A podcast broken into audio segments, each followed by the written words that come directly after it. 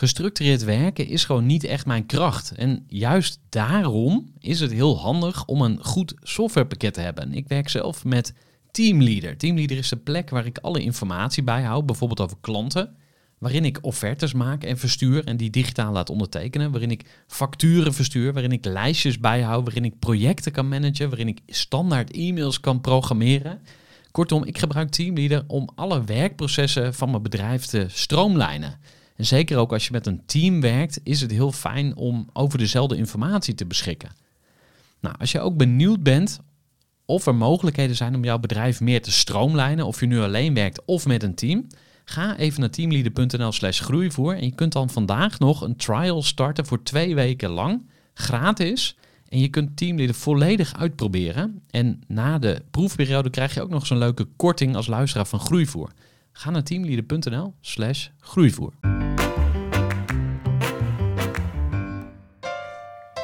Hey, welkom bij de Groeivoer podcast. Mijn naam is Gerard de Velde en in de Groeivoer podcast voor ondernemers kun je luisteren naar mooie gesprekken met interessante ondernemers en experts op het gebied van bedrijfsgroei en persoonlijke groei en af en toe spiritualiteit. In deze aflevering van de Groeivoer podcast voor ondernemers spreek ik met Robert de Vries van het bedrijf Quality Bookings. Quality Bookings is een sprekersbureau die high-end sprekers bemiddelt. En we hebben een eh, heel mooi gesprek met elkaar over authenticiteit, over succes, over flow, hoe je als ondernemer beter in je flow komt. Ja, hoe het is om met je vader in hetzelfde bedrijf te werken. Hoe je je eigen unieke verhaal vertelt als ondernemer. En ja, ook hoe je tot rust kunt komen als ondernemer. Door lekker in de tuin te werken. Iets wat ik met eh, Robert gemeen heb. En um, ja, Robert heeft ook een hele toffe tour gedaan. Net met uh, Johnny de Mol uh, junior. Met volgens mij 20 afleveringen zijn ze het hele land doorgetrokken. En um, ja, Robert doet nog veel meer toffe dingen, maar dat hoor je misschien uh, tijdens het gesprek wel. Ik heb met heel veel plezier met Robert gesproken en ik hoop dat jij net zo kunt genieten van dit interview met Robert de Vries van Quality Bookings.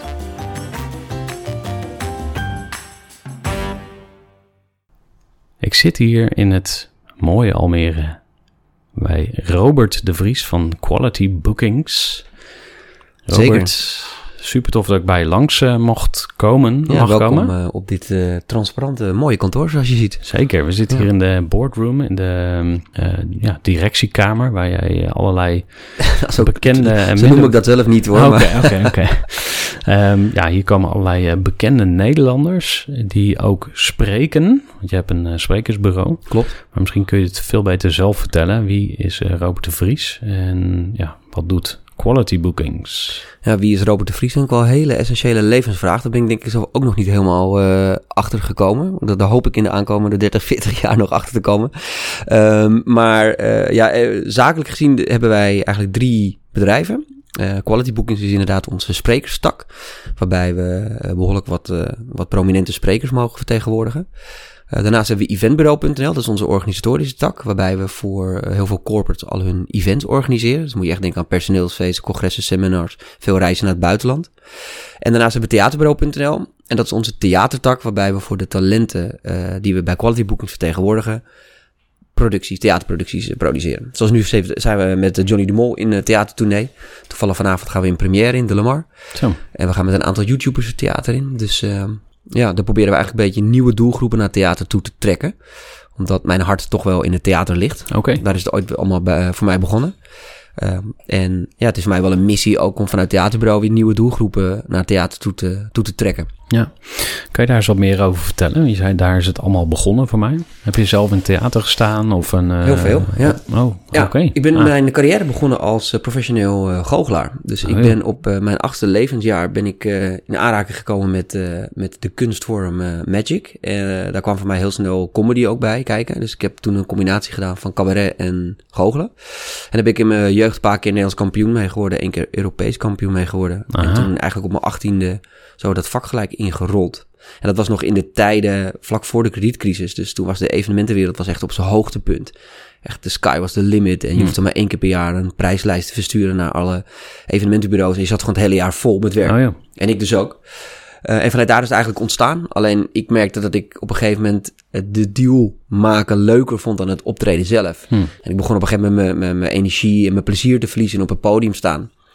Eh, en zo ben ik eigenlijk steeds meer achter de schermen terechtgekomen. Ja. En toen dacht ik van, hè, want al mijn vriendjes die gingen toen eh, stappen en achter de, de, de vrouwen aan in het weekend. En ik zat weer ergens in uh, schutte met mijn met met mijn spel kaarten voor mensen op te treden. Ja. En ik werd er eigenlijk heel ongelukkig van. En toen dacht ik van, ja, weet je, als ik nou iemand anders stuur naar die klus toe, dan, nou ja, verdien ik wel iets minder geld. Maar ja, dan kan ik wel gewoon met mijn vrienden gaan stappen. Ja. En eigenlijk vanuit die positie is eigenlijk het idee van het bureau eh, ontstaan. Ja, cool. En eh, begon je met andere goochelaars en comedians inzetten dan bijvoorbeeld? Of, eh, Ja, sterker nog, mijn eerste bedrijf wat ik ooit ben begonnen was clownservice.nl. aha.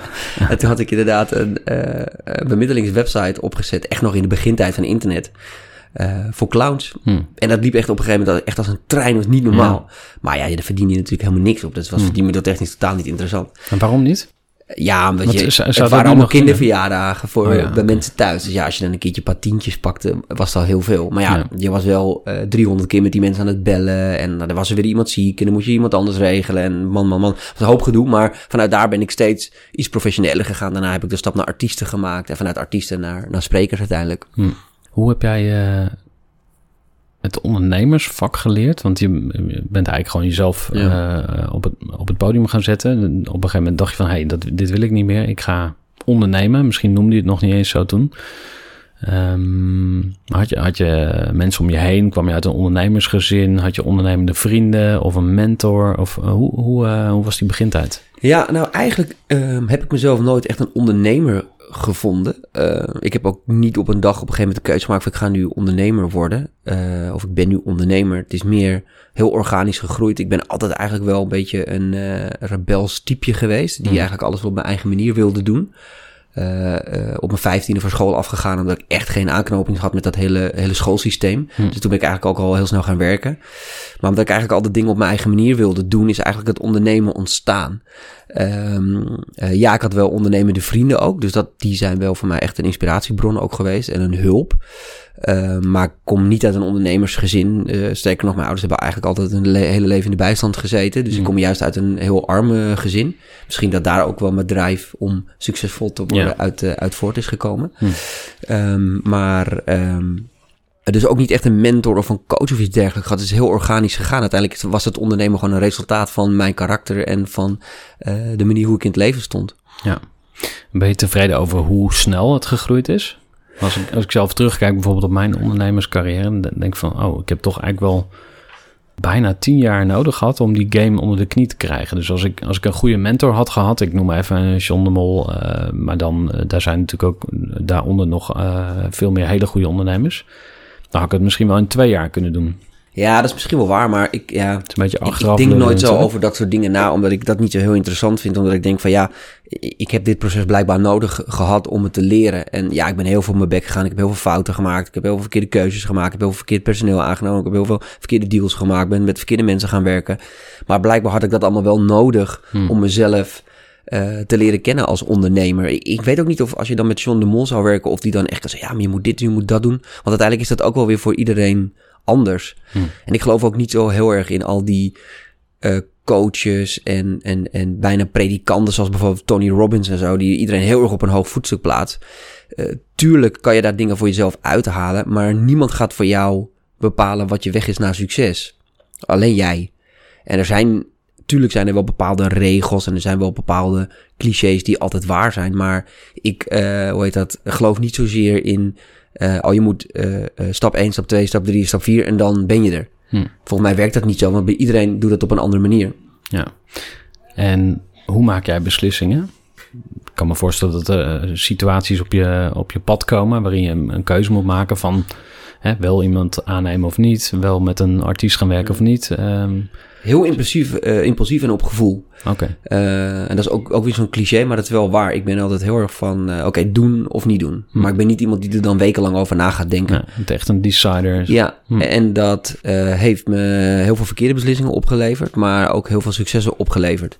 En ik ben inmiddels denk ik beter geworden in nog beter naar mijn gevoel te luisteren. En als ik ook maar enig- enigszins idee heb, hmm, met jou weet ik het niet helemaal, dan doe ik het niet. Hm. En vroeger had ik nog wel eens dat ik dacht van, ja, maar dat is toch wel een bekend iemand, dus misschien moet ik, en of toch wel een goede ondernemer, of hij heeft toch wel een goed verhaal. En stel nou dat het wel lukt, Ja. dat werd bijna zelden iets. En bij alle dingen waar ik meteen bij dacht van... hé, hey, wacht eens even, dit, dit- hier, hier gaat het. het gebeuren, moet ik doen. Dat wordt ook altijd wel wat. Maar juist de, de verkeerde beslissing... dat kost je heel veel tijd en energie en geld en gedoe en rechtszaken... en ingewikkelde toestanden. En ik denk dat ik inmiddels iets beter ben geworden... in die dingen eruit filteren. Eh, maar nog steeds gebeurt het. En dat ligt niet altijd overigens aan de andere persoon... hoor. dat ligt ook wel eens gewoon aan de match of aan mijzelf... of Hm. Ehm, ehm, maar ja, weet je, ik denk dat ik inmiddels daar wel wat beter ben in geworden in dingen te filteren. Ik zeg ook tegen heel veel dingen nee. En vroeger zei ik tegen alles ja. Ja. Eh, het FOMO-effect, de, eh, bang om iets mis te lopen. Of Ja. misschien wel de grootste deal van je leven mis te lopen. Ja. Maar dat kwam ook omdat ik vroeger onderneemde ik ook wel heel erg uit, uit, het, uit het ideaal van... oh, ik ga nu iets tegenkomen waar ik in hele korte tijd heel veel geld mee ga verdienen. Hm. En dat is ook wel een, een hele verkeerde mindset die heel veel ondernemers hebben. Is dat ze denken dat ze iets op hun pad gaan krijgen of een tool op hun pad gaan krijgen. Dat is ook de reden waarom heel veel ondernemers congressen aflopen, managementboeken blijven lezen, blijven lezen. In de hoop dat ze een soort gouden tip krijgen Mhm. waarmee ze het gouden ei gaan, eh, gaan vinden. Maar ik heb wel geleerd dat dat niet bestaat. Hm. Het is gewoon een kwestie van echt gewoon doen en gaan lopen. En gaandeweg ga je vanzelf je pad wel vinden naar, naar je doel toe. Ja, dus iedere keer stap voor stap. En daar geloof ik wel in, ja. Ja, grappig, want eh, heel veel boeken worden wel zo gemarket. En ook ehm, eh, misschien wel eh, evenementen. Hè? Dus de drie geheimen van Ja. of de, de formule om bla bla bla. Dus op een of andere manier werkt ons brein blijkbaar zo dat we van mysterie houden. Ja. Dus als er iets staat wat geheim is, dan willen we het graag ontdekken of weten. ja. Maar jij zegt eigenlijk van ja, fuck die geheimen, bij wijze van spreken. Ja, ik, ik geloof daar er zijn geen in. geheimen. Nou ja, dat is net zoals met die hele de, de Secret, weet je. Dat Mm. was natuurlijk een tijdje lang heel erg populair. De wet Ja. van de aantrekkingskracht. Hè, dat je vooral eh, dingen moet gaan visualiseren en dat het op je, dan op je afkomt. En in de basis geloof ik dan nog wel, zou ik nog wel kunnen geloven dat dat waar is. Want ik, ik denk dat concrete doelen stellen heel erg belangrijk is voor ondernemers. En heel veel ondernemers vergeten dat om echt Mm. concreet hun doelstelling te bepalen. Maar waar ben ik dan naar onderweg? Ja. Ze, ze, ze streven te veel vage doelen na als bekend zijn, succesvol worden, dat soort dingen. Hmm. Maar wat betekent dat dan, dan voor jou persoonlijk? Ehm, maar dat wordt dan heel erg vermarkt als inderdaad, dit, dit is het geheim van het leven, dit is het geheim van succesvol worden, dit is wat alle miljonairs doen. En dat, ja, dat, Ja. Is, dat is gewoon allemaal onzin. Ja. Dat is Ja. onzin. En, en, want ik ken heel veel miljonairs en ik ken heel veel succesvolle ondernemers. En die zeggen nooit dat soort dingen. Die weten vaak zelf ook niet helemaal precies hoe ze daar nou succesvol zijn geworden. Ja, weet je, ik werk gewoon heel hard. En ik neem gewoon heel veel risico. En ik duik overal in. Dat is, dat is wat je altijd van succesvolle ondernemers hoort. Hm. Dus als er dan al drie geheimen zijn, dan zou dat, zou dat het dan zijn. Hm. Heel veel mensen die succesvol willen worden, blijven in het proces hangen van succesvol willen worden. Dus die blijven dan maar, oh ja, het zou zo tof zijn om ondernemer te zijn. En, maar ondernemer zijn is niet een vak. Het is niet Mhm. iets wat je, wat, je, wat, je, wat je bestelt en dat je het dan wordt. Nee. Dat ondernemen, dat moet ook echt in je zitten. En meestal is het bij de meeste topondernemers die ik spreek, is het meer een resultaat geworden van, oh ja, ja, ja, weet je, er kwam iets op mijn pad, dat ben ik gaan doen, dat is gaan lopen en daar is dit uit voortgevloeid en dat. Oh ja, en toen was ik ineens ondernemer. Ja. Maar niemand wordt op een dag wakker en ik ook nu, nu word ik ondernemer. Nee.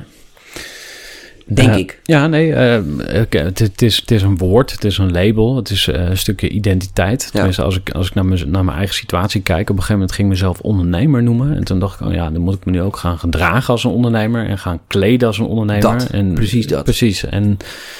ehm, Want dat is ook dat is Ja. zo'n fout startpunt. Want dat heb ik Ja. exact hetzelfde gehad. Ehm, en dat is dan misschien nog wel, hè, op, op je vorige vraag nog terug te komen. Dat zou misschien een John de Mol je wel kunnen vertellen. Hmm. Van joh, val niet in die valkuil. Ja. Blijf authentiek. En dat is ook zo'n lekker jeukwoord. Dat is ook Ja. zo'n lekkere cliché. Maar die is ook zo waar gebleken. Want inderdaad, in het begin toen ik ondernemer was, ging ik ook... ehm, eh, eh, een spe- ik ging ondernemer spelen. ja. Ik ging me kleden zoals ik dacht dat een ondernemer moet Ja. doen. Want dat zag ik dan bij anderen. Ik, eh, nou ja, je, je hoort dat ik kom uit Amsterdam. En ik was toen heel erg bezig met logopedie. Ook om mijn Amsterdamse accent af te leren. Want ik moest dit en ik moest dat. Ik moest mezelf in een bepaald stramien brengen. Maar op het moment toen ik besloot dat ik daar volledig mee stopte en daar geen zin meer in had, toen pas ging mijn bedrijf heel snel. Ja. Uiteindelijk gaat het om jou als persoon. Hm.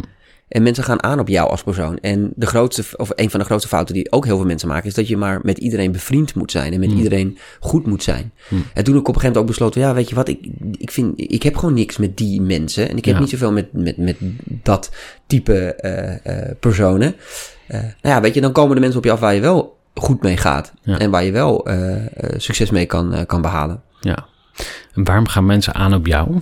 Wat, wat vind jij is jouw unieke vibe, zeg maar? Of wat, wat voor soort gast ben jij?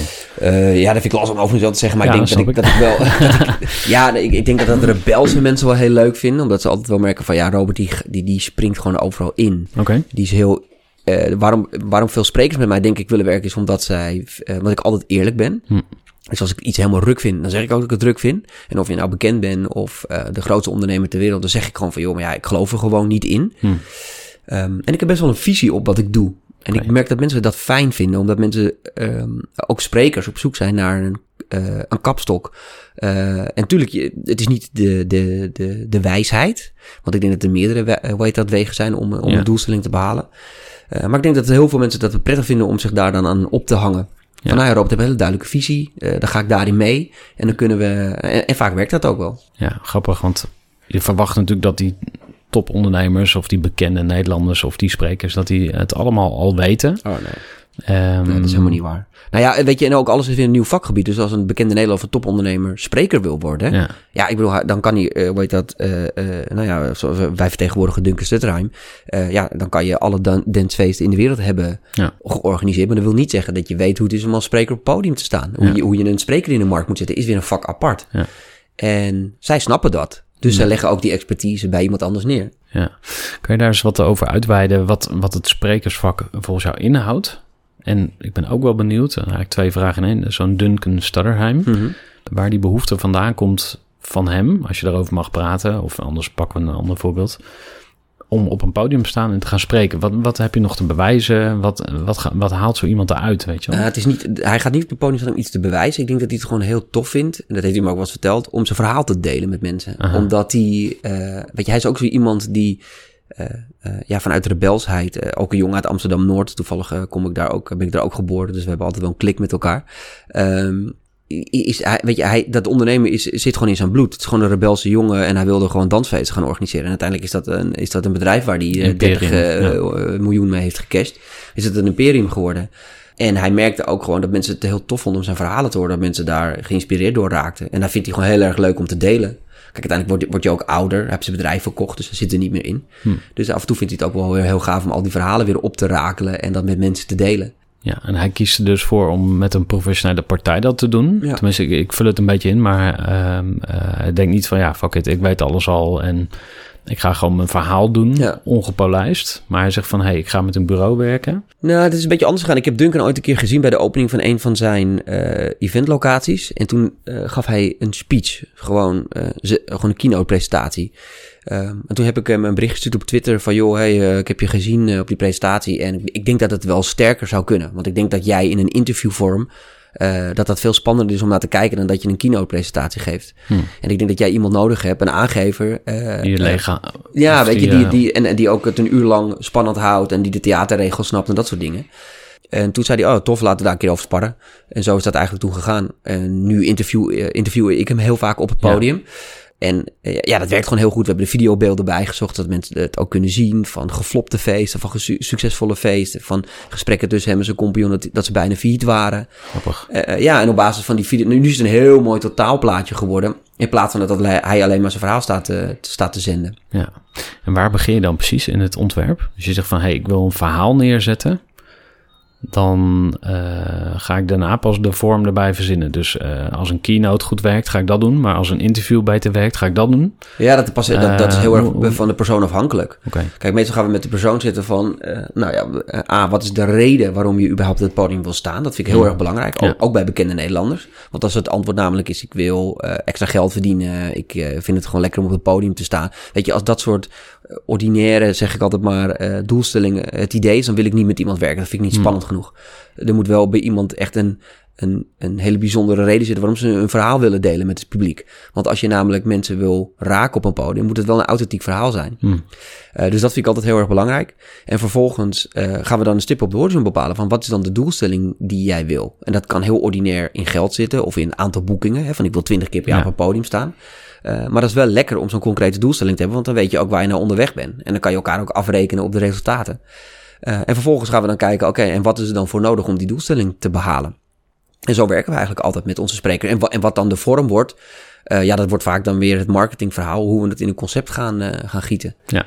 Want heel veel bekende Nederlanders denken van, ja, weet je, maar ik ben toch een bekende Nederlander, dus ik verkoop mezelf. Zit wel snor. Ja, Ja. maar wij proberen altijd wat meer in concepten te, te denken. Zoals bijvoorbeeld hebben we met, met Rob eh, Harmeling en eh, Erben Wennemars, uh, twee sporters, hebben we een concept bedacht met Erben en Rob naar de top. Zitten ze beide op een fiets op het podium. En dan maken we er echt een concept omheen.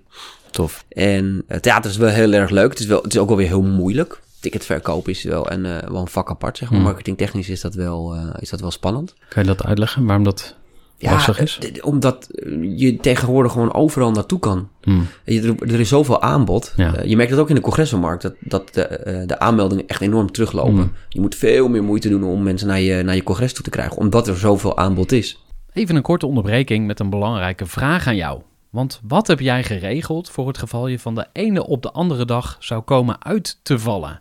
Wat gebeurt er dan met je bedrijf, maar vooral wat gebeurt er met jou persoonlijk en ook in financieel opzicht? Samen met ASR voerde ik drie openhartige gesprekken over tegenslag en veerkracht. En dat deed ik met Saskia, Vincent en Pieter. Ondernemers met een bloeiend bedrijf die van de ene op de andere dag niet meer konden werken. En die verhalen hoor je in aflevering 256, 257 en 258 van deze podcast. Als ondernemer wil je natuurlijk niet uitvallen. En daarom is het belangrijk dat je veerkrachtig bent, want voorkomen is beter dan genezen. En als het dan toch misgaat, is het fijn dat je iets geregeld hebt, zodat je weer snel door kunt met ondernemen. Wil je weten hoe veerkrachtig jij nu bent? Vul dan in twee minuten de veerkrachttest van ASR in. Ga naar asr.nl slash veerkrachttest ondernemers. De, de, wat het spannende eraan is, is, en dat is waar wij ook wel heel erg mee bezig zijn. Ik had er laatst een heel tof gesprek over met Ron Simpson. Dat is de uh, oprichter van de Avocado Show. Hmm. Die jongens zijn echt helemaal viral gegaan met hun nieuwe winkel, uh, met een restaurantconcept.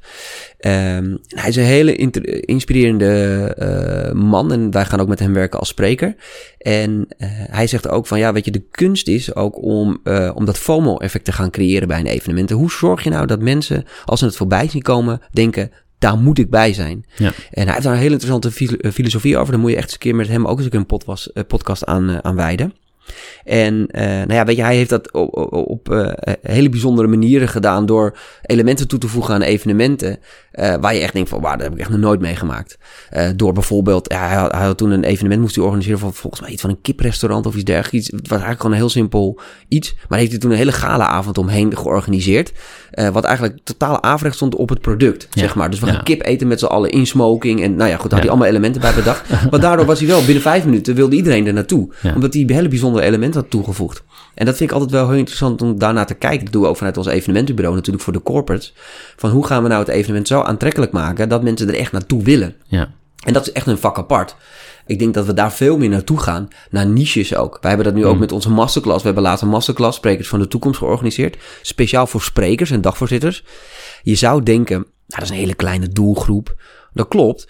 Uh, maar de doelgroep is wel ongeveer 100.000 sprekers in Nederland heb je.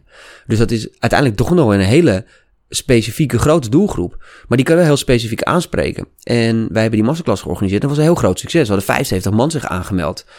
Voor best wel een interessante ticketprijs. Dus het was een heel, uiteindelijk een heel interessant verdienmodel geworden. Maar om je, als je dus gaat specialiseren in een niche... Dat vinden vaak mensen heel erg spannend, want ze willen zich heel graag op breed ondernemers dan bijvoorbeeld richten. Maar het is vaak veel interessanter om dan bijvoorbeeld te zeggen van ja, ik ga alleen maar een evenement specifiek voor agrarische ondernemers bijvoorbeeld mm, ja. organiseren. Dat is, is, is specifieker, is veel kleiner, maar de kans dat ze dan willen komen is wel veel groter. Ja. Ja, want kun je dan schetsen hoe jouw uh, bedrijf in dat opzicht eruit ziet? Je, je hebt dus aan de ene kant je, je artiesten, of je, je sprekers, sprekers ja. uh, misschien beter zeggen. En aan de andere kant heb je klanten. Ja, nou ja, kijk, het, het, grappige is dat bij ons, en dat is wel het spannende ook bij Quality Book, is dat eigenlijk onze inkoop net zo belangrijk is als onze verkoop. Hmm. Want zonder inkoop hebben we niks aan te bieden. Ja. Uh, zonder verkoop hebben we de inkoop niks aan te bieden. Ja. Dus dat was in het begin ook van mijn carrière ook een beetje het kip en ei verhaal. Ja. Want eh, eh, hoe, hoe kan je sprekers naar je bureau toe krijgen als je Geen, klanten hebt, hebt? ja, ja. Eh, en hoe kan je klanten iets aanbieden als je geen sprekers hebt? Ja. Dus dat was in het begin was dat wel even een, een, een, spannend spel. Dat is iets wat, wat je een paar jaar voor nodig hebt. En uiteindelijk, nou ja, kom je hè, door, gaat dat sneeuwbaleffect wel, eh, wel werken. Eh, maar ja, ja dus wij, wij werken denk ik voor eh, eh, heel corporate Nederland inmiddels. De banken, de verzekeraars, maar inderdaad ook in de landbouw. En maar ook in, in, in, in, in ziekenhuizen, universiteiten. Eigenlijk is dat heel divers. Ja. Ja, je zegt van in het begin was het een beetje een balanceren tussen klanten vinden en sprekers erbij. Maar daar heb je ook dat rebelse voor nodig. En dat is Ja. waarom ik het gehaald heb en anderen het niet halen. En dat ik- was mijn vraag inderdaad. Van, dat klinkt zo van, het is, nou ook een hele grote maar- bluff. Ja, Ik heb, ik heb heel veel gebluft ook in het begin van mijn carrière. Dat doe ik denk ik af en toe nog steeds wel. En ik denk dat dat ook een hele belangrijke eigen- eigenschap is. En het is niet dat ik lieg of mensen onzin vertel. pik er eens één bluff uit. Eh, ja, jeetje, Mina. Eh, nou ja, mijn allergrootste bluff in mijn leven is geweest. Ik heb eh, drie jaar geleden Inspiration 360 georganiseerd in de Ziggo Dome. Eh, met als jongensdroom om internationale grote sprekers naar Nederland te halen. Richard Branson, Al Gore, Bear Grylls. Echt de top van de top. Ja. En daar de Ziggo Dome mee te vullen. Maar ik had het nooit in mijn leven gedaan. Ik had geen idee. En ik heb letterlijk zoals wij nu zitten met een vriend van mij dit bedacht op een bierveeltje. Ja. Zijn vader was net overleven, overleden. Dus we hadden echt zo'n levensgesprek van... joh, wat willen we nog? Fuck, ja. Wat willen we nog? Nou, festivals is niet meer te doen. Dat is zoveel aanbod. Nou, weet je wat, hoe tof zou het zijn als we dat soort type sprekers in de Ziggo Dome zouden neerzetten. Ja. Maar gewoon met volledig bluff naar AFAS toegegaan. ja. Eh, Bas met- van der Veld. eh, met, bij- bij Bas en Martijn. Van joh, weet je, uiteindelijk hele goede relaties ook van ons geworden. Eh, eh, en gewoon gezegd van joh, dit is een droom. En we hadden niet meer dan een, dan een eh, aanplakbiljet van zo zien we het voor ons. En die gasten hebben uiteindelijk gezegd jongens, wij gaan mee. En Ja. die hebben geld op tafel gelegd en die zijn het met ons gaan ondernemen. Die houden wel van dat bluff. Ja. Die houden wel van het echte ondernemerschap. Maar stapje voor stapje het gewoon ontdekt. We hadden geen idee. Nee. En we zijn ook heel veel op ons bek gegaan. En uiteindelijk hebben we er ook heel weinig geld aan overgehouden. Maar hebben we er wel, eh, eh, zijn we als ondernemers heel erg gegroeid en hebben we er uiteindelijk heel veel uitgehaald. Maar daar zit het ondernemerschap in. Het gewoon op bluff gewoon maar gaan doen. En het gaan Ja. ontdekken gaandeweg. Hm. Dus niet een heel... Ik heb nooit een plan gemaakt in mijn leven voor iets. Nog nooit. En ga ik ook nooit doen ook. Want ik, ik, ik, ik heb... Dat is niet wie jij bent. Nee, het is niet wie ik ben. Ik zie, ik zie iets voor me. En dat, is, dat is ook met de mensen die ik wil werken. Als ik iemand voorbij zie komen op tv... of als ik iemand eh, zie en ik denk, met die wil ik werken... dan lukt het mij dat altijd. Ja, en je had het net even over The Secret, hè? De, Mhm. de Law of Attraction. En Ja. dat gaat ook heel erg over visualiseren. Dus het voor je zien en dan... Maar je moet je- nou wel wat gaan doen. Want als je dat thuis gaat zitten visualiseren... dan eh, Ja. blijf je heel lang Nee, thuis visualiseren. precies. Snap je? En dat nog wel eens, ja, maar mensen zijn wel eens op zoek naar dat soort magische dingen. Ja. Van ik ga dan nadenken over mijn Ferrari en mijn villa en mijn boot... en dan komt die wel. Ja. Maar dat is natuurlijk gewoon volledig bullshit. En zo wordt het vermarkt, zo'n concept. En dat is natuurlijk niet waar. Want uiteindelijk, natuurlijk is het belangrijk om te weten waar je nou onderweg bent. Is, is dat een Lada of is dat een Ferrari? Dat is belangrijk, want dan eh, moet je andere stappen gaan nemen als je Ja. Ferrari wil. Maar vervolgens moet je gewoon wat gaan doen. Ja. Ga het gewoon doen. Letterlijk. Eh, wat is jouw mening over geluk? Er, er is een hele toffe podcast. Mhm. Die heet ehm, How I Built This. Guy Raz, is een Mhm. Amerikaan. Eh, wordt gemaakt door NPR, dat is een Amerikaanse radiostation. En die stelt eigenlijk in alle, alle interviews die hij doet met ondernemers, stelt hij die vraag. En hij, hij eh, interviewt echt ook internationale topondernemers, dus oprichters van Patagonië, van Dyson, eh, stofzuigers, Mhm. weet ik veel, gewoon echt eh, legends. En altijd komt die vraag terug van hoeveel van je succes is aan geluk te danken en Mhm. hoeveel aan hard werken. Het is Nou natuurlijk een ik vind, het, klassiekertje, ik vind maar het sowieso een, een misvatting om te denken dat alle topondernemers en bekende Nederlanders en succesvolle mensen heel erg gelukkig zijn. Want ik denk dat dat namelijk in 9 van de 10 van de gevallen helemaal niet zo is. Want ik ken ze namelijk allemaal en ik heb met ze gewerkt. Ik wil niet zeggen dat iedereen doodongelukkig is. Maar achter succes zit vaak wel een drive die voortkomt uit ongelukkig zijn. ja, Uit ontevreden zijn pijn. uit onzekerheid, uit pijn, uit eh, bijna elke artiest eh, of iemand die op het podium wil staan, daar zit iets achter vanuit vroeger eh, dat ze gepest zijn of dat ze een moeilijke start hebben gehad of er zit bewijzingsdrang achter. Ja, ja, Want je moet ook wel een gekke drive hebben, wil je eh, een topondernemer worden. Want Ja. jongens, ah, nou ja, als, je noemt een paar topondernemers op, maar jongens, jongens, jongens, die moeten zich helemaal blauw werken. Het is echt niet dat die eventjes 1, 2, 3 hebben gedaan en dan heel succesvol zijn geworden. Dat Nee. is killing, dat is topsport. Dat wordt wel eens gestoend, de business is topsport, maar dat is natuurlijk ook wel zo. Ja. En daar moet een drive achter zitten en die komt zelden uit geluk voort. Ja. Dus ja, wat is geluk vind ik heel lastig. Maar ik denk dat het al heel mooi is als je in je leven momenten hebt dat je heel gelukkig bent. Ja. En wat, en wat is dan geluk? Ja, dat is voor iedereen anders. Ik word heel erg gelukkig van in, uh, op mijn boerderij, uh, in mijn tuin, uh, boompjes planten. Daar word Ja. ik super gelukkig van. En dat is voor iedereen natuurlijk weer anders. Waar komt dat nou weer vandaan? Boompjes planten. Ja, ik, ik, dat, ik, ik, dat, dat, daar heb ik heel veel, denk ik, daarover na. Maar ik denk dat het ook het directe resultaat is. Ik vind het heel lekker om een boom te planten, eh, aarde erbij te doen, eh, water eroverheen te gieten en, dat dan, en dan staat hij. En dat is met ondernemerschap natuurlijk, gaat dat nooit zo snel. Nee. Maar ik vind dat, dat, dat geeft me enorme Bevredigend. bevredigend. Ja. Ja. En ik vind het lekker om in de natuur te zijn. Ik, ik ben echt een natuursmens. Ja. Nou, we hebben meer gemeen dan je misschien denkt. Ik ben eh, tijdens mijn studie eh, mezelf als tuinman gaan verhuren. Oh, dus ik stond echt twee jaar lang gewoon lekker bij te beunen. Ik heb Ja. sociologie gestudeerd. En ehm, overigens studeren zie ik ook absoluut niet als, als heilig iets, weet je wel. Dat Oh, is nee. gewoon een soort hordenloop. En je moet iedere keer over die fucking Ja. horde rennen of springen. En dan uiteindelijk houdt het een keer op gelukkig. Ja. Dan begint het echte leven. Eh sidetrack. Ja. Ehm, maar in de tuin gestaan. En ik ben nu vrijwilliger bij de Tree Party. En Cool. dat is een stichting die bomen plant. En dan zegt iedereen, ja, maar er zijn al zoveel partijen die bomen planten. Ja, Ja. who cares, weet je wel? Ja, Elke boom kan is niet één. genoeg hebben. Ja. Ja, en het is super mooi, want ja, Nou ja, ik heb, ik heb, ik heb een, eh, een, eh, een, een, een mooie boerderij eh, gekocht met mijn, met mijn vriendin. En mijn vriendin die werkt ook in de evenementenwereld. Dus we hebben altijd best wel een, een druk leven. hm, Altijd op evenementen, altijd onder de mensen. En eh, ja, weet je, door een stukje rust te hebben. eh, we, hebben, we hebben dieren, we hebben paardjes, dat soort dingen. Ja, weet je, dat is gewoon, eh, dat is voor mij geluk. Dat is voor mij het leven, dat is waar ik het voor doe. Ja. Alleen het een zou ook niet zonder het ander kunnen. ja, Want als ik misschien niet in de evenementenwereld zou werken, dan zou ik misschien helemaal knettergek worden op die boerderij de hele dag in de stilte ja, zou zitten. ja. Maar dat is een bewuste keuze voor mij. Ik vind die balans heel erg belangrijk. Hm, En dat vind ik ook wel een, een, een belangrijk punt. Is, ik zorg altijd wel voor balans in mijn leven. Ik, ik ben niet iemand die maar door blijft rennen. Ik neem, ik neem ook altijd echt een maand vakantie, altijd in de zomer. Ik ga veel, ik ga veel op reis met mijn vriendin en dan zetten we ook altijd alles uit. En dan gaan we, hè, die quality time dan met elkaar is heel erg belangrijk. Om jezelf ook weer op te laden. Want dat is ook een- fout die ondernemers maken. Die gaan maar door, die gaan maar door. Ja. Maar uiteindelijk eh, eh, eh, is succes ook een proces. En dat moet je ook respecteren. Hmm. En je moet ook voor jezelf zorgen. Je moet ook zorgen voor rust. en Voor gezonde voeding. Ik ben echt een, echt een voedingsjunk. Dus eh, om Ja. het zo maar te zeggen dat ik... eh nou, nee, geen junk, hoe moet je dat zeggen? Eh, iemand die echt heel erg bezig is met gezonde voeding. ja, en, en ik vind dat heel interessant, omdat ik merk dat door gezond te eten en goed voor mezelf te zorgen, ik nog beter kan gaan presteren. Ja, En, en zo is het ook, zo moet je ook op zoek gaan naar je eigen dingen. Mensen gaan, gaan elkaar ook heel erg imiteren. Hmm. Ehm, en, en, en worden dan gefrustreerd dat het, het niet opbrengt wat ze dan verwachten. Wat, Maar ja, wat bedoel je nou daarmee? ja, bijvoorbeeld zoals yoga en mindfulness. Dat is ook zo'n dingetje. Ja, nee, ik moet dan gaan zitten en mediteren. Dat hoeft helemaal niet. Nee. Van wie moet je dat doen? Omdat iemand dat in een podcast dan loopt te roepen... of dat iemand in een boek dat geschreven heeft. Als jij het lekker vindt om met je bootje op een riviertje rond te dobberen en te vissen... ga dat dan doen. Want Ja. dat kan ook mindfulness en eh, eh, meditatie zijn. Ja, Maar je moet dat doen op de manier zoals jou dat, eh, ja, jou dat zint. En waar jij je energie vandaan haalt. En laat je daar vooral niet in leiden daar, wat anderen daarvan vinden.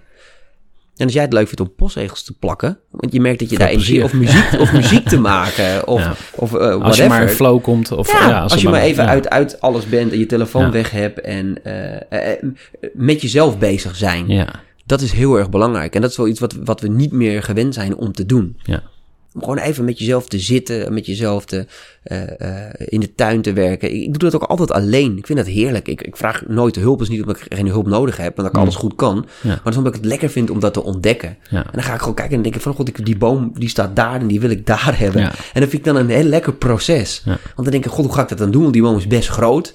Dus dan moet ik Maar- materialen voor nodig. En, en, en dat is heel ook een banaal. mini-gravertje? of Een mini-gravertje huur ik dan. Want dan denk ik, ja, dan kan, ik ga het eerst met de hand proberen en dat lukt dan niet. En dat, eh, dat is letterlijk het proces. Maar dat, vind ik, dat, dat is voor mij heel ontspannend. Ja, Mijn vriendin weet dat ook. En die moet er altijd heel erg om lachen. Want ik sta daar met, mijn- met mijn laarzen en mijn dingen. Die, en die moet daar altijd heel erg om lachen. En, eh, maar ik, kan, ik weet dat ik zaterdag weer in mijn tuin ga werken. Daar kan ik Ja. er enorm naar uitkijken. Zo deze week heb ik, hoe heet dat, eh, ga ik het theater in met Johnny de Mol. Ze hebben een première vanavond. Dus heel bekend in Nederland komt daar over de stoep. Alle media. Eh, vrijdagavond zitten we in Business on Stage in het theater. Dus ik heb een hele drukke week. Heel veel evenementen. Dan is dat mijn, mijn rustmoment. En, en ik denk dat dat vinden voor jezelf, Ja. dat is van onschatbare waarde. ja.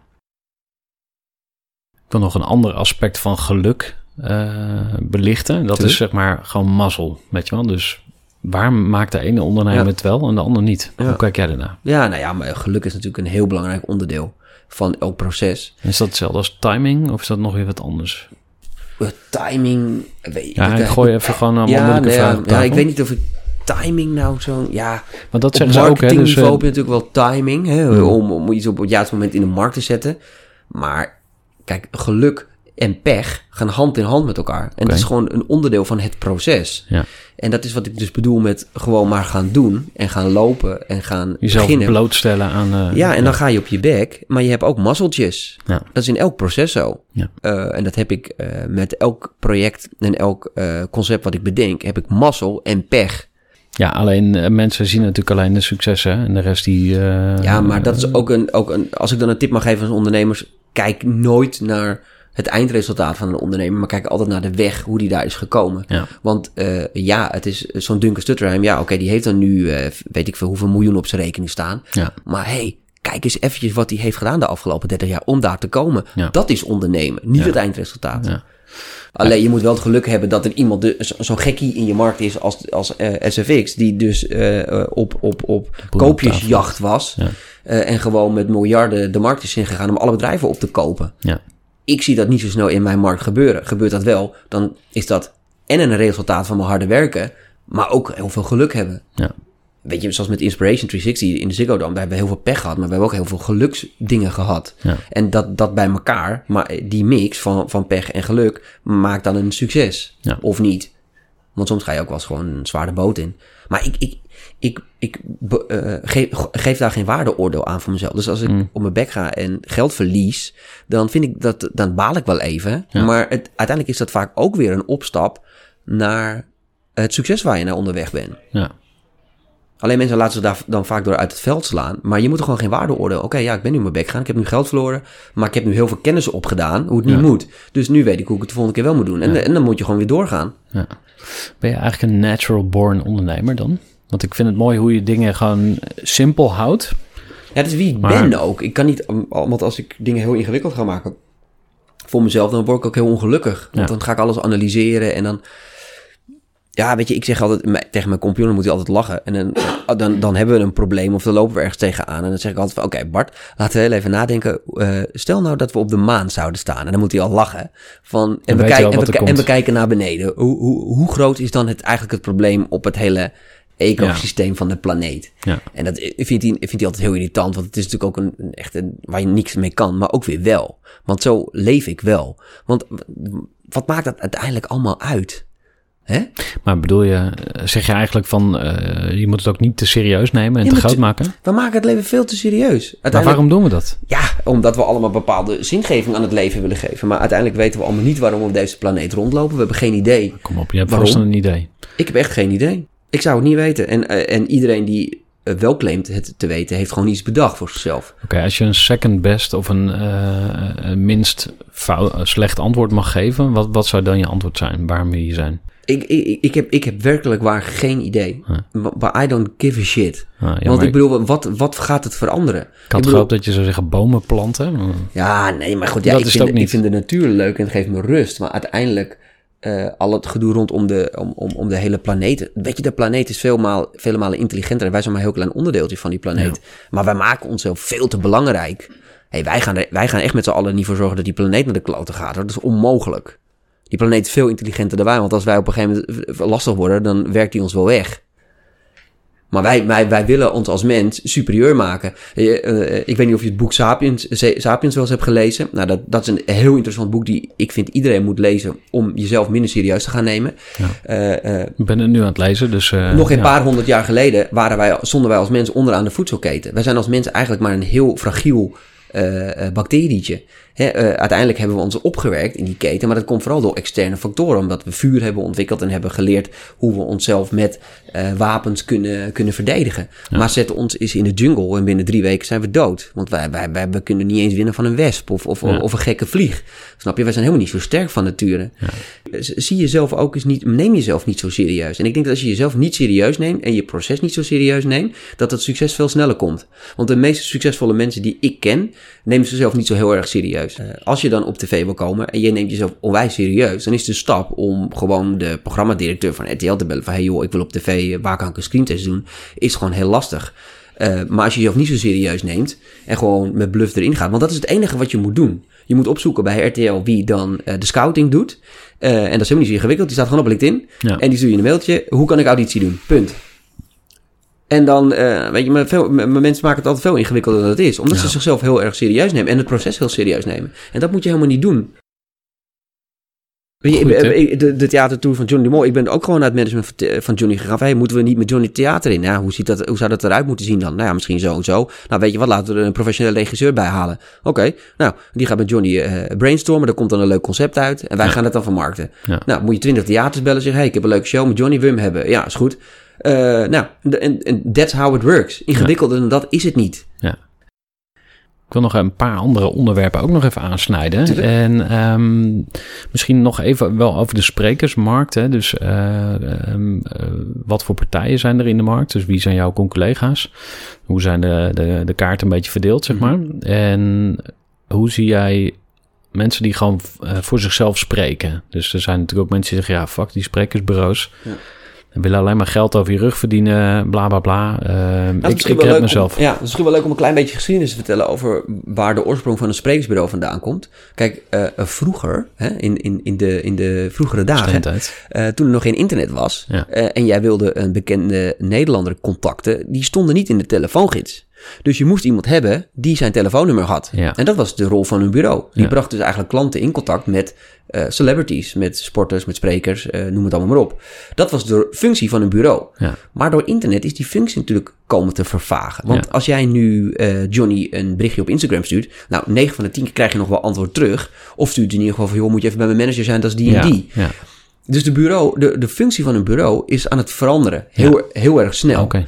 Ehm, en eh, ja, er zijn een, eh, een aantal andere sprekersbureaus. Ik denk dat er nog drie of vier in Nederland zijn. eh, die, die er echt toe doen. En nog wat kleine jongetjes die we proberen mee te, te snabbelen.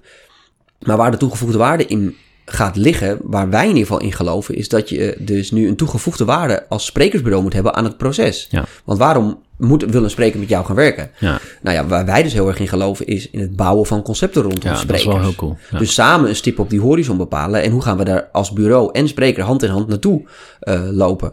maar dat is ook vet. Ik wil, eh, om daar even op in te haken. de- dit vind ik dus ook cool. Dus gewoon iets creëren en al die ingrediënten bij elkaar leggen. Ja. Maar het is wel een nieuw verdienmodel. Ja, En geen enkel ander bureau doet het. Want je Eh, neemt echt zelf ook risico. Ik, wij, moet, wij, wij hebben dus nu ook gezegd van... Oké, wij gaan dus ook investeren in sprekers. Ja. Want als wij zeggen dat we in een sprekersmerk geloven... moet je er ook geld in durven te steken. Ja, Dus het is een ander verdienmodel. Maar uiteindelijk gaat dat wel weer op je terugkomen. En wij hebben nu bepaalde aantrekkingskracht rondom ons bureau gecreëerd... Hm. eh, die goud waard is natuurlijk. Hm.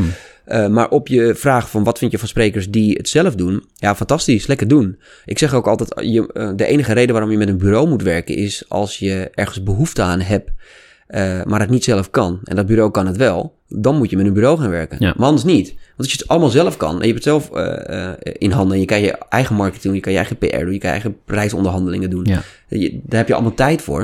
Dan moet je het lekker doen. ja. En de, wat zijn succesvolle voorbeelden daarvan? Ik moet even aan Jos? Jos Burgers denken of zo. Ja, eh, Jos Burgers, Remco Klaassen, Ben Die redden zich Tigelaar, wel. die Ja. redden zich wel. Ja. Die hebben ons niet per se nodig. We werken wel met ze en we geven ze wel opdrachten. Ik denk dat Jos eh, vijf tot tien keer per jaar er, ergens boek. En daar is hij hartstikke blij mee. Maar die heeft hij niet nodig. Nee, sowieso heeft hij... eh, voor het geld hoeft hij het volgens mij ook niet meer te doen. Nee, dat, dat, dat, dat weet ik niet. Misschien heeft hij wel godverslaving. Dat weet ik natuurlijk ook niet. Nee hoor, Jos. Als. Je, als je luistert. Nee. Het is nooit te laat om, eh, Om om open in te elkaar... Ja, slaan. precies.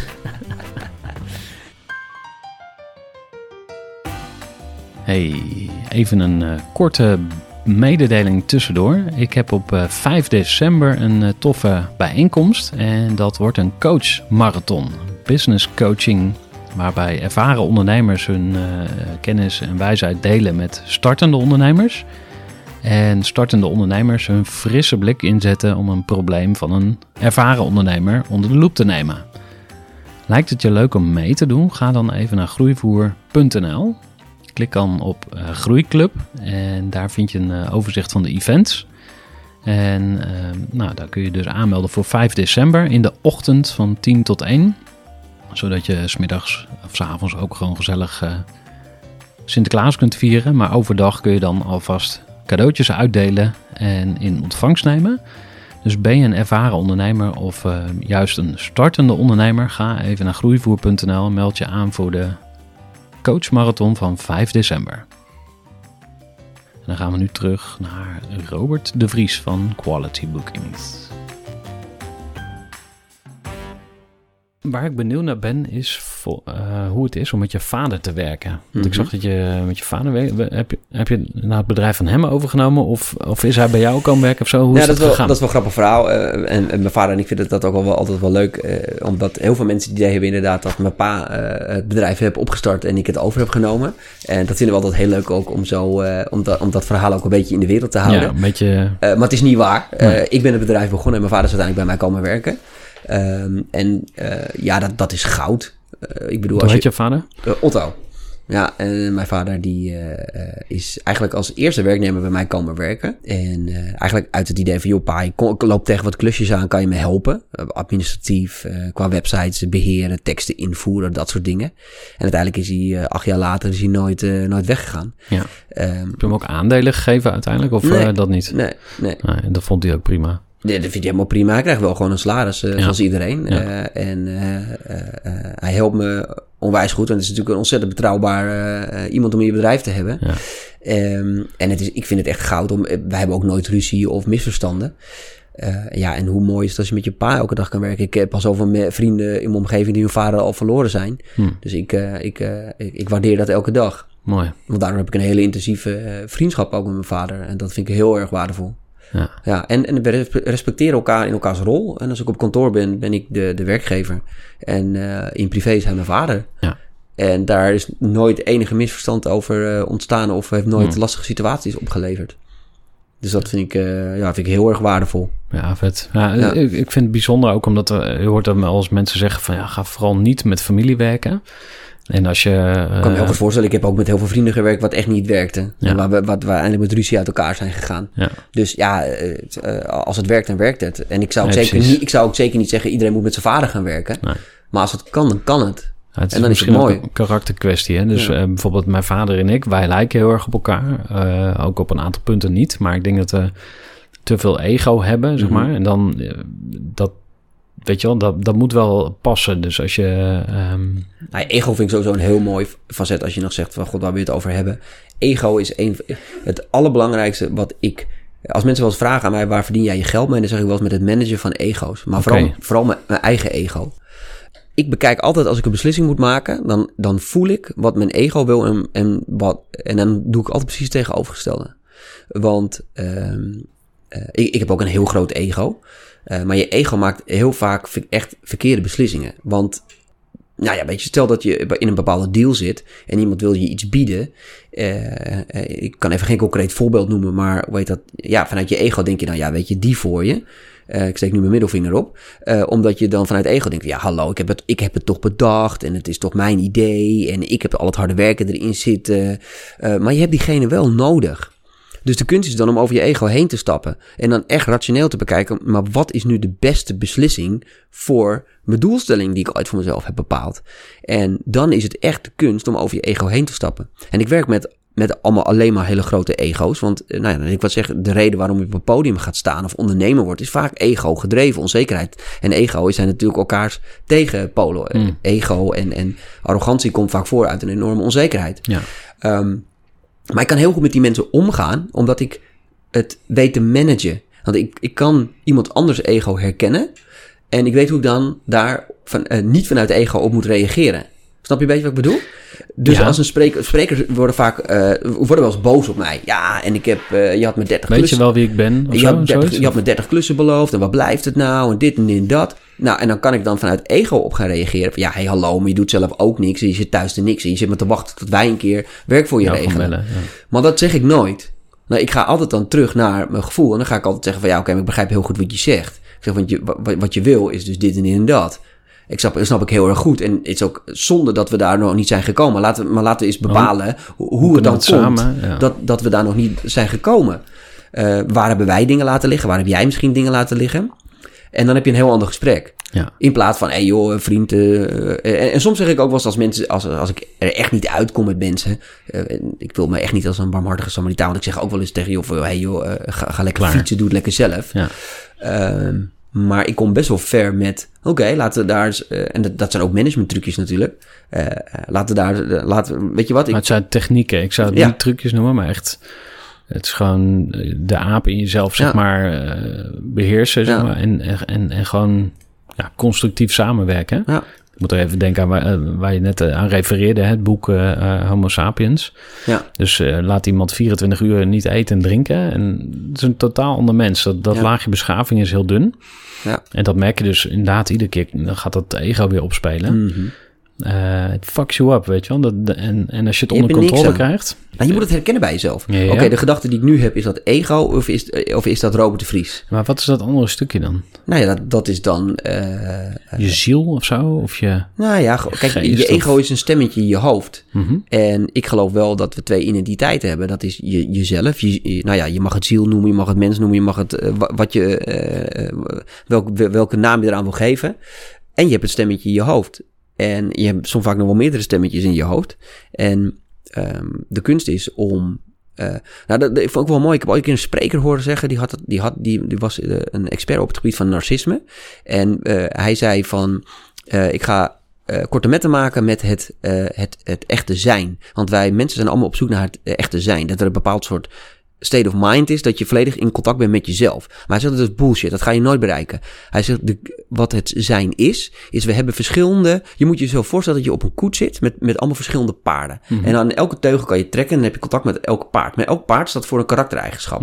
Eh, eh, arrogantie, onzekerheid, eh, nou, heel veel verschillende van die smaken. En de kunst is, eh, het echte zijn is, is het managen van die paarden. Ja. Dus dat jij je bewust bent van wanneer je aan het ene paard moet trekken en wanneer de andere. Dus je moet je bewust zijn wanneer je ego in moet zetten, wanneer je onzekerheid, wanneer je kwetsbaarheid, wanneer je humor, wanneer je die verschillende facetten moet inzetten. En dat is het echte zijn. Het managen van die verschillende karaktereigenschappen. En dat vond ik heel interessant. Ik denk van ja, als je dat dus kan, Ja. en bij jezelf dus in een situatie kan herkennen, hé, wacht eens even, is dit nou ego of is dit nou onzekerheid of en wat moet ik doen om toch mijn doelstelling te bereiken? Dan kan je het heel plastisch kan je het bekijken. Maar het werkt wa- vaak wel op die manier. Ja, En dan, en dan eh, is het soms ook gewoon een kwestie van even er een dag overheen laten gaan. precies. Ja. Eh, maar ik merk wel dat ik er steeds sneller in word om het te herkennen bij mezelf. Ja. Ja, zonder dat mensen doodgaan, denk ik altijd van, eh, weet je wel, dan, we hebben zoveel jaren nodig om op een bepaalde wijsheid te komen. Maar dat En- komt ook, en dat is ook wel een, een, passie van mij, door eh, het gek onderwijssysteem wat wij hanteren. Ik, ik vind het heel raar dat wij nog steeds een onderwijssysteem hebben waarbij we allemaal op een bepaalde leeftijd eh, in een soort machientje worden geduwd om allemaal hetzelfde te leren.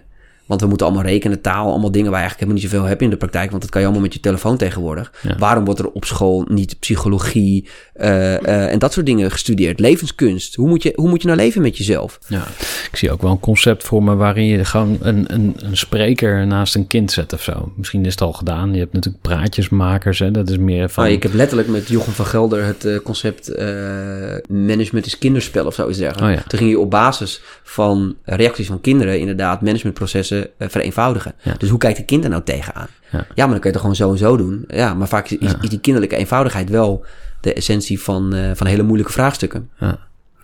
Heb je kinderen? Nee, Zou je kinderen willen? zeker. Ja. Maar daar heb ik tot nu toe nog... eh, Geen tijd voor nou, ik, gemaakt. ik, ik ben iemand... Gaat het niet een beetje kriebelen? nee, dat heb ik niet Van zo. welk bouwjaar ben je? Ik ben een, van 81, dus ik ben Ja. 38 nu. Ja, mannen hebben natuurlijk sowieso meer tijd. Ja, nou, en ik ben ook heel erg van bewust eh, fases in mijn leven beleven. Hmm. Ik vind het heel erg belangrijk dat, dat als ik voel dat ik in een bepaalde fase zit, dat ik daar het maximale uit haal voor mezelf. Zodat ik achteraf niet denk, oh, wel zonder dat ik in die tijd niet even iets meer gestapt heb of Ja. iets meer dit heb gedaan. Ja. En ik vind deze fase, ik merk nu dat mijn ondernemerschap zit heel erg in een lift. En dat vind ik een hele belangrijke fase om daar nu het maximale uit te halen. Zodat ik Want ik ben echt niet van plan om mijn hele leven eh, te blijven ondernemen en te blijven werken. Ik heb wel een bepaald idee van hoe mijn leven tussen mijn eh, veertigste en mijn, eh, en, en mijn dood eruit moet gaan zien. Kan je dat eens kort omschrijven? Nou ja, dat wordt een veel rustiger leven. En ik sluit, Passief inkomen of zo, mag ik die Nou, ik sluit helemaal niet uit dat ik- of... nee, helemaal niet. Dat vind ik zo ontzettend. sl- daar zit toch helemaal geen energie of, of, of iets moois in. Stenen, In stenen. Nee, nee ik, ik zou het heel leuk. Ik denk dat ik uiteindelijk wel weer op het podium terecht gaat komen, Oh, ga echt? En ehm, uiteindelijk wel eh, mijn bedrijf op of een manier ga verkopen of ga laten voortzetten door iemand anders. Ja. Want ik, ik hoef niet de rest van mijn leven eh, in dit tempo door te gaan. Maar ik maak nu heel bewust de keuze om dat tempo nu aan te houden. Ja. Om daar uiteindelijk de vruchten van te kunnen, kunnen plug- eh, plukken. Ja. Weet je, ik, ik, wat ik ook altijd wel heel leuk vind, is ik kijk, rij wel eens voorbij. Nou, weet je, iets, simpels als een McDonald's of zo. En dan zie ik die mensen daar achter die balie werken. En denk ik, god, ik zou best wel een keer een dagje mee willen draaien. Hebben best lachen om een Ja. keer te doen. Maar ook, eh, en want ik kom natuurlijk in heel veel verschillende soorten bedrijven. En dan zie ik dat, denk ik, jee, dat is toch ook tof om een Ja. keer... Dat zou toch ook gaaf zijn? Nou, misschien dat mijn leven er ook ooit zo wel eens uit zou komen te zien. Ik zou het ook nog wel eens een keer leuk vinden om een tijdje in het buitenland te wonen. Ja. Maar ik, ik, heb, ik, heb, wel- ik heb meerdere dromen. Ja. Alleen ik merk nu dat ik in deze fase succes heb. Dus denk ik ook van, nou, laat, dan maar even, laat het dan nog eventjes eh, nog vijf of tien jaar eh, gebeuren. Ik ben heel benieuwd waar het schip strandt. Ja. Want ik had al met mijn achtergrond nooit verwacht om überhaupt hier te komen. Nee. Kijk, ik heb sociologie gestudeerd en eh, we hebben het over ehm, maatschappelijke vraagstukken dan heel veel gehad. En daar ben ik nog steeds in geïnteresseerd. En ik kom uit een christelijke achtergrond. Mhm. En wat je ziet is de leegloop van de kerken. Dat is al decennia natuurlijk aan de gang. Gelukkig wel. Ja. Oké, waarom? Nou ja, omdat geloof een van de slechtste modellen is die, de- die we ooit bedacht hebben met elkaar. Omdat geloof een soort eh, eh, eh, claim op de waarheid legt, Hm. die er niet is. Want ook, het is gewoon een bedacht verhaaltje. Het is niet waar. Het is, Ja. het is niet te onderbouwen. Het is niet. het- het- elk geloof heeft een verhaaltje bedacht. En, maar is erin gaan geloven. Mhm. Eh, en is anderen erop gaan beoordelen van ja, maar ik weet wat de waarheid is, jij niet. Ja. Want jij zegt het is onzin en ik ga je doodschieten als jij niet. Ja, Eh, want dat doet elk geloof. En elk geloof het is niet waar, maar het is wel waar. En vervolgens bestaat er een soort eh, systeem gebaseerd op macht. waar heel veel dingen fout gaan. ja, Dat, dat, dat, dat blijkt al uit alle dingen nu in alle religies. De, de misbruik, mishandeling, al dat soort dingen. Mhm. En uiteindelijk is geloof gewoon een verdienmodel. Ja. Want wat verkoopt beter dan eh, eh, kunnen verklaren waarom we hier op aarde zijn? omwille van de tijd laat ik hem even lopen. Ja, weet je. Groot onderwerp. Waarom ik dit aanhaalde was... Maar ben je het mee eens? Of, want ik ben, nou, benieuwd of je het, ja, of je het anders zo- ziet. Nou, het is. kijk, ik, ehm, ik denk dat we heel erg in de war raken, of zeg maar. ehm, eh, gesprekken heel moeilijk zijn omdat we bepaalde woorden gebruiken. Dus Mhm. als ik het woord God zeg, dan heb jij daar meteen een oordeel over. associatie bij, ja. Ja, of het woord geloof. En eh, toen ik eh, jong was, zeg maar, was het of je gelooft of je gelooft niet. Mhm. En er zit niet zoveel tussenin. Dus Mhm. of je gelooft inderdaad heilig van God en de aarde is in zeven dagen geschapen en weet je alles wat ik geleerd heb. En ik sta er nu heel anders in. En ik vind het veel interessanter om aan iemand te vragen van wat geloof je? Want je gelooft namelijk niet of wel of niet, maar je gelooft in heel veel dingen. Mhm. En het is ook nog eens dynamisch, zeg maar. Dus je geloof ontwikkelt zich door de tijd. Eh, als je zegt van religie, dat religie allerlei eh, hele nare dingen heeft veroorzaakt, dan geloof ik. Ehm, daar, daar, dat is ook niet een kwestie van geloof, dat is gewoon een feit. Mhm. En ehm, als je het boek eh, Homo Sapiens erbij pakt, toevallig ook gisteravond Mhm. in, in het lezen, dan zegt eh, die schrijver, ik ben even de naam kwijt, maar die zegt ook van, eigenlijk het communisme is ook een religie. Mhm. Eh, het fascisme uh, ook. geld is ook een religie. Precies, dus dat zijn Tuurlijk. allemaal, allemaal ehm, instituten. Kijk, ik, denk- kijk ik, ik, ik vind dat je... Kijk, geloof moet persoonlijk zijn. Hmm. Kijk, want we, moet, we moeten voor onszelf wel iets hebben waar we voor leven. Want anders stop je met je leven, want dan heeft het geen zin. Ja. Dus we hebben een bepaalde zingeving nodig. Ja. Dus iedereen die zegt, ja, maar dit is de waarheid en dit geldt voor iedereen. Dat vind ik gewoon onzin. Maar dat vind nee, ik maar met daar ben ik met je eens. Ja. Daar ben ik met je eens. En nu komt het punt van eh, de kerken lopen leeg, maar de behoefte aan antwoorden op vragen is nog steeds. Tuurlijk, eh, dat zal ook altijd blijven. Maar dat is natuurlijk wat Tony Robbins doet, op een heel Ja. hoog niveau. Ja. Maar wat is altijd uiteindelijk het resultaat? Is altijd geld. Want Tony Robbins is hartstikke, Maar hartstikke multimiljonair. Ja. Super commercieel. 500 miljoen, dollar. Weet ik veel. Maar het is die jongen die, die, die, die, tegelijk naar binnen. Maar ik vind het echt eng. Ik snap ook echt serieus niet dat mensen er naartoe gaan. Omdat, weet je, als, als iemand gaat doen van... Uh, joh, hier achter de uh, podium van een pinautomaat... en je kan nu uh, lid worden van een exclusief programma... en het kost je maar een ton en iedereen rent daar naartoe. Stel je dwazen om maar eventjes 100.000 euro over te storten naar Tony Robbins nou, sorry, maar dan ben je gewoon in de volgende religie aan het meegaan. Ja. Wat Tony Robbins doet, vind ik echt tegen het religieuze aan. Het is massahysterie creëren. Ja, ik, ik, dat, dat je bespeeld wordt, zeg maar, dat trek ik sowieso slecht. Ja, ik ook. De, de, je, en, en, het, en, het, en het gebeurt.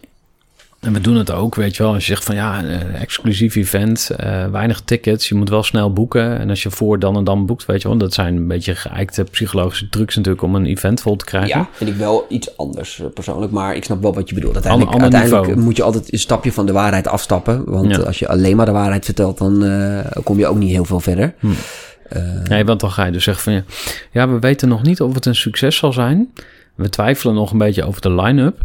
Er is nog een kans dat een van de sprekers afzegt. We hebben, we, we denken hebben dat één uiting gedaan. Niemand het zou trouwens wel een briljante insteek zijn. Anti-reclame, ja. Om gewoon zo op te bouwen. We hebben een evenement bedacht, maar we hebben geen idee of iemand erop zit te wachten, ja of nee. We hebben het al één keer geroepen ergens, maar eigenlijk kregen we van niemand re positieve reacties. We hebben een paar sprekers geboekt, waarom weten we eigenlijk niet, maar dat schijn je te moeten doen. Dat is een fantastisch verhaal. Als je het gaat doen, en, uh, moet je me even een bericht sturen. Dat lijkt me echt lachen. Nou ja, goed. Maar dat is wel dus die, die, uh, het unieke creëren van een evenement. Dit, is dus, dit is dus wat je moet doen om iets dat mensen echt denken, huh?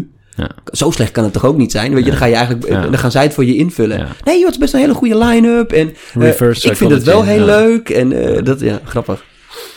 Laatste onderwerp wat ik uh, nog aan je voor wil leggen. Um, heb jij misschien nog één of twee ondernemerstips die er voor jou echt uitspringen? Waarvan je denkt van, oké, okay, als er nu een ondernemer luistert, um, iets wat je mee wil geven. Nou ja, maak een hele concrete doelstelling voor jezelf. Probeer die zo concreet mogelijk te maken. Zodat je weet waar je nou onderweg bent. En uh, bluff jezelf gewoon lekker door het leven door. En neem jezelf niet te serieus. Ja, yeah, baby. Dat zijn ze denk ik wel. Thanks. Supermooi, dankjewel. Hey, dankjewel man.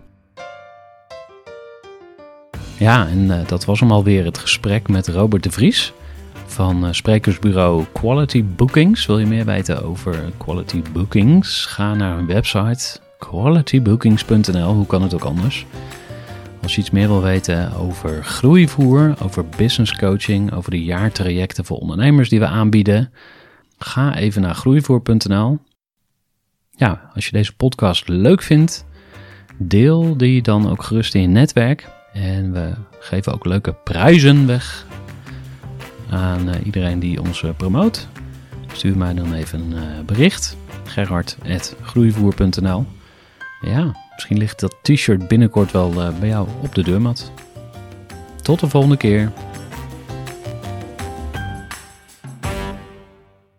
Gestructureerd werken is gewoon niet echt mijn kracht. En juist daarom is het heel handig om een goed softwarepakket te hebben. Ik werk zelf met Teamleader. Teamleader is de plek waar ik alle informatie bijhoud, bijvoorbeeld over klanten waarin ik offertes maak en verstuur en die digitaal laat ondertekenen, waarin ik facturen verstuur, waarin ik lijstjes bijhoud, waarin ik projecten kan managen, waarin ik standaard e-mails kan programmeren.